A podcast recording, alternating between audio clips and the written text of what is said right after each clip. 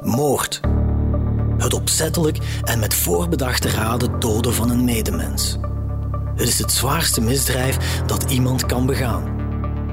We zijn er op een akelige manier door gefascineerd. Hoeveel romans, films en andere verhalen behandelen dit duistere thema? Helaas is moord niet altijd fictie. Integendeel. Er wordt gedood uit passie of jaloezie, uit wraak, lust, voor geld of botweg uit haat. In deze reeks analyseren we verschillende ophefmakende Limburgse moorddossiers, van plaatsdelict tot veroordeling. En gaan we op zoek naar de motieven die in het verknipte hoofd van de dader zijn gruwel rechtvaardigen. Ik ben Geert op Teinde en dit is Van Moord tot Verdikt. De parachutemoord, deel 4. Naar Assise zonder één bewijs. Toen Els Klottemans werd aangehouden, was er voor een, sommige mensen was het ongeloof. Eh, het is altijd moeilijk te geloven dat iemand iets gedaan heeft, want je ziet nooit aan iemand dat hij dat kan of zal doen. Dus het is ongeloof. Maar voor een deel van de mensen bevestigen het wat ze eigenlijk al een paar maanden al vermoeden. Eh, ik weet nog dat ik sprak met mensen van ja, oké, ja. voor hun was het wel uh, klaar dat, dat, dat Els Klottemans de, degene was die, die het vermoedelijk of die het gedaan had. ik kwam nog uit de lucht vallen opzicht van. Het, je gelooft het, het is, het iets wat hij niet kan geloven eigenlijk, dat iemand die hij kent dat gedaan heeft. Maar, um, maar, maar, de veel verdachten waren er eigenlijk niet. Hè. De echtgenoot Marcel en Els Kloptemans. En, en, en dan stopte het uiteindelijk. En, en dan is het een kwestie van uitsluiten wie het wel en wie het niet gedaan heeft.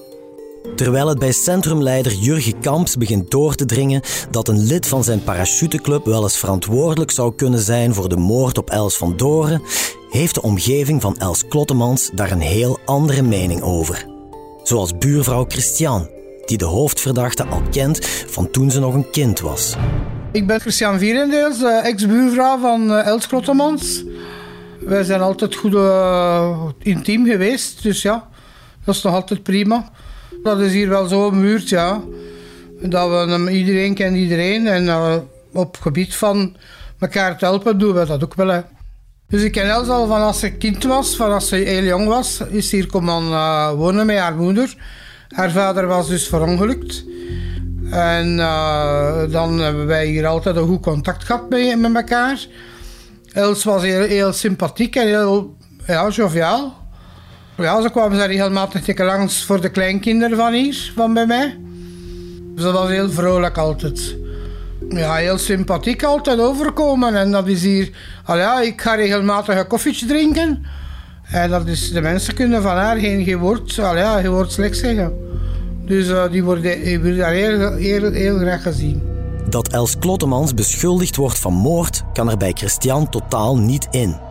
En ook Martien, de moeder van Els, is in alle staten wanneer haar dochter op 17 januari 2007, twee maanden na de parachutemoord, wordt aangehouden. Zo zegt Christian. Hoe kan dat nu Els zijn? Die doet zoiets niet, die, die... Ja, echt. Dat kan niet, dat kon niet. Nee, daar dacht ik haar niet voor in staat. Ze was iemand die goed slag was en dat ze haar goed amuseerde. Dat ze wat leven genoot en zo, dat wel. Maar niet op die manier. Nee. Hoe zou er reageren als moeder? Je was dat mens was in alle staat en die, die, ja, die kan dat ook niet geloven van haar eigen dochter, maar toch moet je het aanvaarden. Je kunt daar niks tegen doen. Hè. Maar ja, dat was ook ongeloofwaardig voor haar ook, voor iedereen hier. Hè. Hebben we Martin zo, zo, zoveel mogelijk proberen te steunen, toch? In haar doen. En, ja, in het begin, als ze dat dan voor had, ben ik regelmatig bij haar gaan op bezoek. Dat ik over babbelen en ik doen en zo. En op den duur zijn uitgepraat, hè. maar het contact was toch altijd heel goed. Dus uh, dat was geen enkel probleem. Els Klottemans zit opgesloten in de gevangenis van Hasselt, in afwachting van haar proces. Maar ook daar kan de jonge vrouw uit Wambeek bij Ternat rekenen op de steun van buurvrouw Christian Vierendeels. Ik ben Els ook destijds gaan bezoeken in Hasselt al verschillende keren mee geweest met haar moeder. Ze is binnen gegaan met volle moed. het gedacht dat ze terug wel vlug zou terugkomen. En uh, ja, oké, ja, je doet dat voor haar te steunen. En ze was zeker niet, al ja, want mijn moeder die kwam dan ook vol. Ze zou dan ook wel een een traan hebben. Maar dat was ze niet. En ze zei, ik zal, ik zal, ik zal dat wel ondergaan, zegt ze. Ik moet nu wel. Maar toegeven zal ik nooit doen, zegt ze. Want ik heb het niet gedaan. En dat hebben haar woorden altijd geweest van in het begin tot op heden. En ik denk niet dat Els ooit zal toegeven. Iets dat ik niet gedaan heb, geef ik niet toe, zei ze. En daar kan ik haar ook geen ongelijk in geven. Maar Els heeft nooit haar kop niet laten hangen en ze heeft altijd gedaan wat ze moet, uh, moet doen. En ze heeft een goede reputatie gehad, ook in de gevangenis. Hè. Ja, ze was strijdvaardig. Hè. Ze weten nog niet wat er eigenlijk gebeurd is. Hè. Er is geen enkel bewijs van. Hè. En zij zegt ook, van mij gaan ze geen bewijzen kunnen hebben, want ik heb het niet gedaan. Niet alleen Christian heeft in die periode contact met Els Klottemans. Want op een dag, wanneer Els nog niet zo lang in voorarrest zit, krijgt Nancy van den Broek, gerechtsjournalist bij het Belang van Limburg, telefoon vanuit de gevangenis van Hasselt. Ik heb dus verschillende contacten gehad met Els, telefonisch, via mail. Uh, ja, ik kon haar moeder zijn, maar zij kwam mij over als een vrij vlotte dame. Ze was amper 23 jaar. Ik vond dat een, een, een, een, een sympathieke vrouw. Ik heb haar zelfs opgezocht in de gevangenis. Ik herinner mij nog, ze stapte op mij af. Ze gaf mij een stevige handdruk. En ja, ze zag mij een opgewekte, sympathieke vrouw uit op dat ogenblik. En zij is beginnen te praten aan één stuk, een monoloog. De exacte inhoud herinner ik mij niet meer van dat gesprek. Um, ik weet wel dat het natuurlijk over de feiten heeft gegaan, uh, over Els van Doren. Dat het een vriendin van haar was. Maar één zin is mij altijd bijgebleven. Ik heb het kunnen doen, ik zou het, ik zou het gedaan kunnen hebben, maar ik heb het niet gedaan. Net als half Vlaanderen weet Nancy niet goed wat ze van de hele situatie moet denken. Want Els Klottemans zit enkel op basis van vermoedens in de cel en zonder materiële bewijzen die haar linken aan de moord op Els van Doren. En dus stelt de journaliste zich terecht vragen over de schuld of onschuld van de hoofdverdachte. Maar dat beeld wordt langzaamaan bijgesteld, naarmate het onderzoek vordert. Een heel belangrijk element in het hele verhaal is dat het parket eigenlijk nooit heeft gecommuniceerd over de zaak. En dat maakt het voor mij moeilijk, want de druk op elke journalist was, was groot. Je zat met een, een verhaal, een moordzaak. Ja, iemand die uit een vliegtuig is gesprongen, terwijl de andere weet... Ja, ik wil alleen maar zeggen, zo'n moordzaak hadden we nog nooit gehad. Dus je had als journalist de druk van, we moeten daar alles van weten. Enerzijds, anderzijds het parket die niet communiceerde over de zaak. En dan zat je bij een Els Klottemans die maar al te bereid was om de nodige informatie te verschaffen. Zij had uh, de overhand, zij was de spreekbuis in het hele verhaal. En het parket gaf geen tegengewicht. En daardoor is een perceptie ontstaan ja, van, een, van een onschuldige vrouw eigenlijk, die onterecht in de gevangenis zat. Ik had mijn twijfels. Waarom? Els was 23 jaar, intellectueel. Uh, ja, ze kwam sympathiek over. Ik had altijd het gevoel als ze de telefoon neerlegden of toen ik uit de gevangenis kwam van kijk, ik heb een, een koffieklets gehad met een kennis. Maar stilaan, als je dan na verloop van het onderzoek, dan kwam je wel eens een, een politiemens tegen en die hing dan een ander beeld op van Els dan ik al had gevormd. Dan begint dat beeld zich stilaan te hertekenen. De publieke perceptie over de onschuld van Els Klottemans krijgt op 28 januari 2008 een flinke boost. De intussen 23-jarige studente zit dan een jaar in voorhechtenis. En de Kamer van Inbeschuldigingsstelling van Antwerpen ziet onvoldoende elementen om de hoofdverdachte van de parachutemoord nog langer in de cel te houden. Els Klottemans wordt dan ook vrijgelaten en zichtbaar opgelucht verlaat ze de gevangenis van Hasselt. Voor de journalisten die aan de gevangenispoort hebben postgevat, heeft ze een duidelijke boodschap. Eerst ga ik lekker lang in bad en dan ga ik er voluit tegenaan om de draad van mijn leven weer op te nemen. Els voegt de daad bij het woord en hervat met succes haar laatste jaar aan de lerarenopleiding. Daarna gaat ze aan de slag in basisschool De Goede Lucht in Anderlecht, waar ze door de leerlingen en door haar collega's op handen gedragen wordt.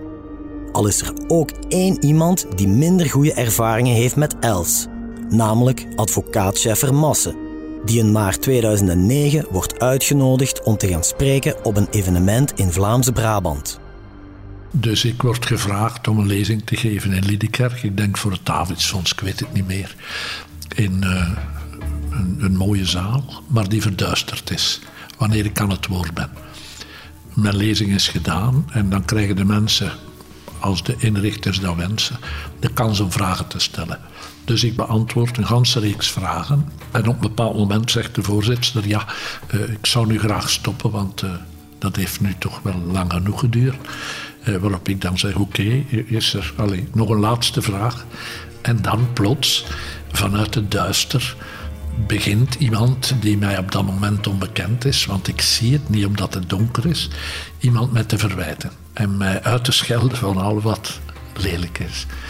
En de voorzitter die naast mij zit, die, die zegt: We gaan stoppen, we gaan stoppen. Zeg, maar laat maar doen, mevrouw. Ik, ik wil eens weten wat die dame bedoelt, want dan hoorde ik dat een vrouwenstem was. En wanneer zij uitgeraasd was, want het was razen, heb ik gezegd: uh, Kijk, ik weet niet uh, wie u bent, maar ik denk niet dat u een, vriend van mij zult zijn. Iedereen lacht. Dat was ook de bedoeling van dat een beetje op die manier uh, te torpederen. Ik zeg, maar u heeft geen enkele vraag gesteld, dus ik moet ook niets antwoorden. Dus laten we de avond maar afronden. Dus de avond wordt afgerond en dan zegt men tegen mij: Ja, maar weet jij wel wie dat is? Zeg natuurlijk, weet ik dat niet. Ah ja, dat is Els Klottemans die in voorlopige vrijheid is. Ah, ik zeg: Bon, oké, ik heb gedaan. Ik begin aan een tafeltje boeken te signeren. En uh, als ik gedaan heb, zegt de dame die naast mij zit van de inrichting: Heb je dat gezien? Dat als Klottemans gans de tijd op twee, drie meter afstand u aan één stuk staan fixeren heeft. Maar ik had dat niet gezien. En ik verschoot, ik zeg allee. Ja, maar ze zou daar dus gestaan hebben met een zeer grote agressiviteit in de ogen, naar mij staan staren. En dat heb ik nog nooit voor gehad. Een tegenpartij die voor assise moet verschijnen, die neemt met u geen contact op op voorhand. Laat staan dat hij naar een lezing komt waar ze de lef heeft, want daar moet je toch wel lef voor hebben, van die lezing te gebruiken om u dan te komen verwijten. Je moet het toch maar doen om uw agressie zelfs niet te kunnen beheersen. Wat dus typisch is voor haar, die agressie, die is daar ook naar boven gekomen, naar mij toe. En zo heb ik ze nog beter leren kennen. Volgens meester Vermassen is hij niet het enige slachtoffer van wat hij noemt de agressieve houding van Els Klottemans. Ook Jan de Wilde, de echtgenoot van Els van Doren en zelfs zijn kinderen worden door Klottemans geviseerd, vertelt de advocaat. Mevrouw Klottemans had zelfs de lef om in de periode dat zij tijdelijk in vrijheid was in afwachting van haar proces, de lef om te zeggen dat meneer de Wilde dat hij het misschien gedaan had. En dan was nog veel pijnlijker dat zij durft veronderstellen dat het dochtertje, die toen, als ik me niet vergis, rond de 14 jaar was, dat zij haar moeder zou hebben vermoord. En dat is zo hard aangekomen bij de familie dat zij zeggen: ja, alleen dat kan u toch niet. Van op die manier uw verdediging waar te maken en ons daarbij te betrekken als mogelijke daders. En het tragische is dat dat vandaag bij sommige mensen nog altijd meespeelt, dat die impact die die dame gehad heeft op de publieke opinie door haar manier waarop zij de publieke opinie gemanipuleerd heeft, dat eh, die mensen nog altijd moeten vechten voor hun eigen eer, maar dat er nog altijd mensen zijn die zo gemeen zijn van ja, de familie te verwijten en, en anonieme brieven te sturen en wat weet ik, want dat is dus een emotioneel zwaar geladen dossier geworden. Eind 2009, drie jaar na de feiten, wordt het onderzoek naar de parachutemoord afgerond. En tien maanden later maakt Tongeren zich op voor het assiseproces van het jaar. De inkt vloeit rijkelijk. dagbladen in binnen- en buitenland staan bol van opinies, interviews en reportages over de parachutemoord. Dit proces is dan ook uniek. Niet alleen is er een hoogst ongebruikelijk moordwapen, een parachute, er is ook sprake van intriges, leugens, driehoeksverhoudingen en, niet te vergeten, er is geen enkel materieel bewijs tegen de hoofdverdachte. Het hoeft dan ook niet te verwonderen dat journalisten en cameraploegen van over heel de wereld elkaar op de trappen van het Tongerse gerechtsgebouw verdringen voor de beste quotes, de strafste beelden en de smeuigste verhalen. Ook journaliste Nancy van den Broek is samen met een team collega's van het Belang van Limburg klaar om verslag uit te brengen. Ik had al verschillende assiseprocessen gevolgd, maar het proces rond de parachutemoord, dat was eigenlijk toch vrij uniek. Maar het genoot uh, ook ontzettend veel mediabelangstelling. Er waren zelfs journalisten uit het buitenland.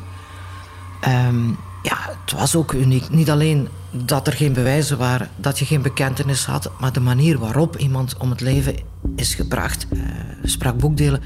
Maar je had niet alleen veel belangstelling vanuit de pers, maar ook heel veel belangstelling van het publiek. Die stonden aan de trappen, dat, dat, eh, ja, twee kampen. Dat was ongezien.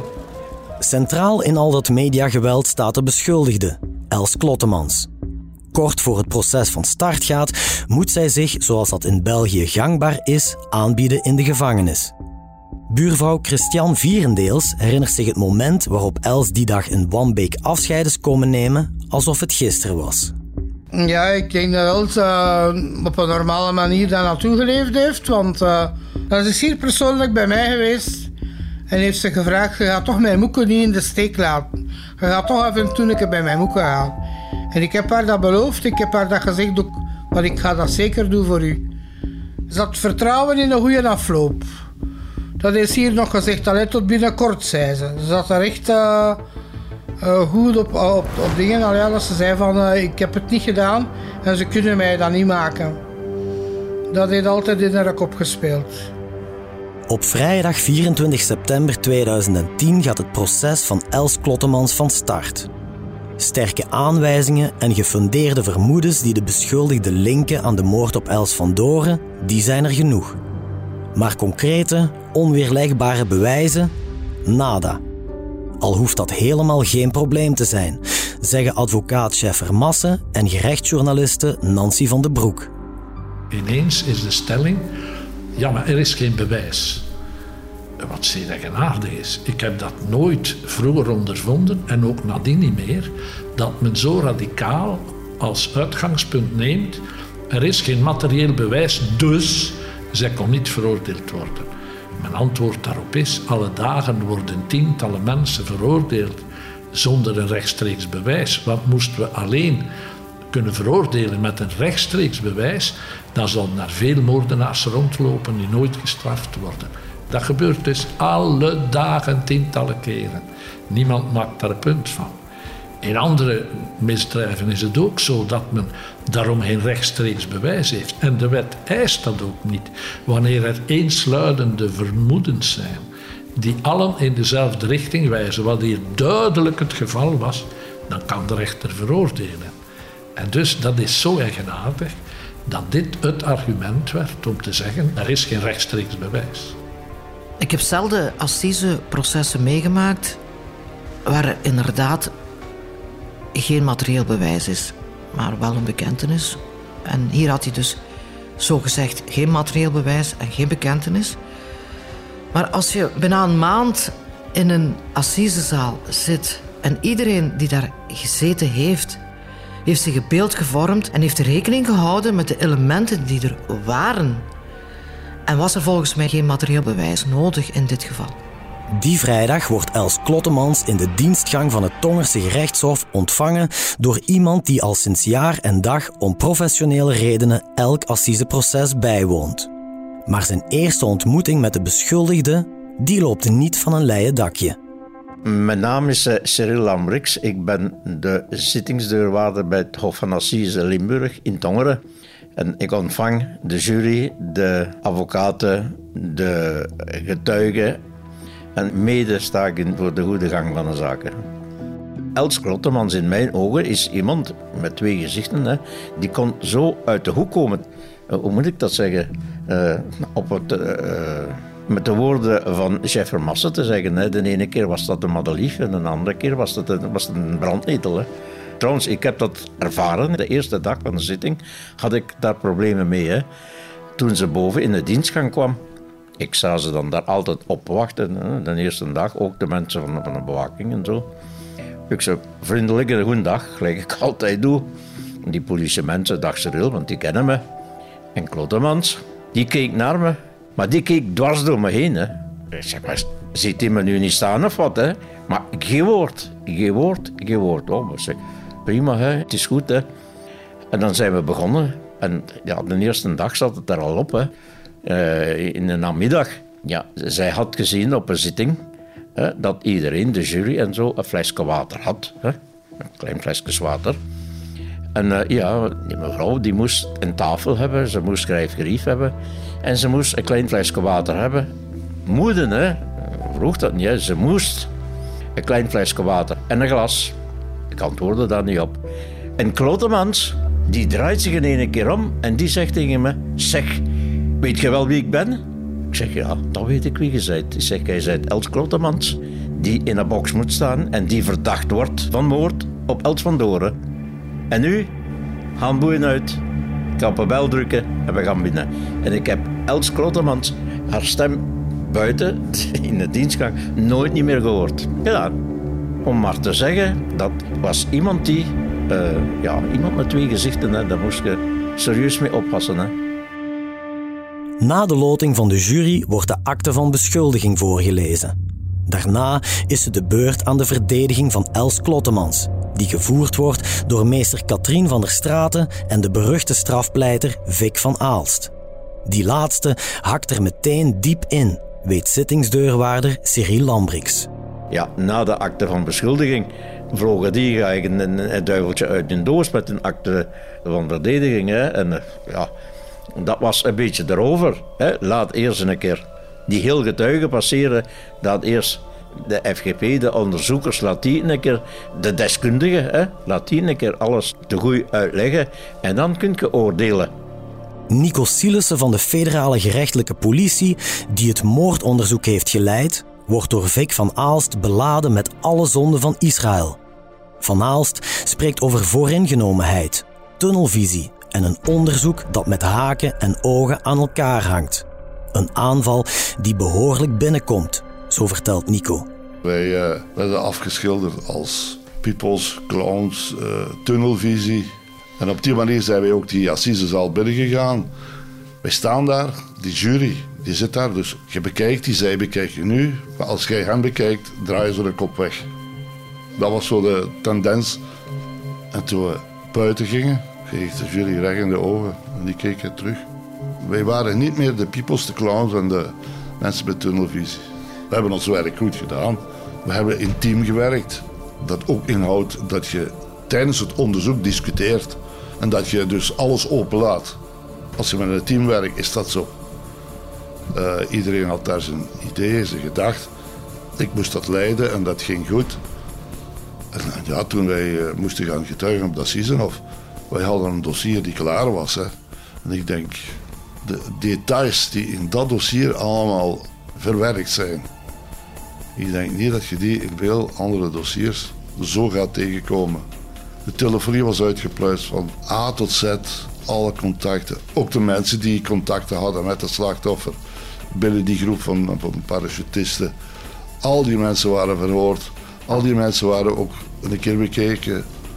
Kom, komt er iemand van in aanmerking? Wat gebeurt er allemaal in zo'n club? Dus al die, die details die, die hebben wij allemaal onderzocht. En we bleven maar bij één conclusie en dat was als Klottemans. De toon is gezet. Zoveel is duidelijk. Maar de weg is nog lang, want het proces rond de parachutemoord zal bijna een maand in beslag nemen. En in die vier weken zullen tal van verrassende wendingen zich aandienen. Zoals de tragedie van het rode make-up tasje. Wat dat precies betekent, komt u morgen te weten in deel 5 van De Parachutemoord. U luisterde naar Van Moord tot Verdikt, een true crime reeks van HBVL Podcast. Samenstelling door Geert op Teinde, Nancy van de Broek, Filip Perges en coördinator Cato Poelmans. Montage en audioproductie door Len Melot en Glenn de Gein. Chef podcast is Geert Nies. Reageren? Dat kan via podcast@hetbelangvanlimburg.be. Ben je benieuwd naar meer nieuws en verhalen? Surf naar hbvl.be/voordelig en ontdek onze voordelige leesformules.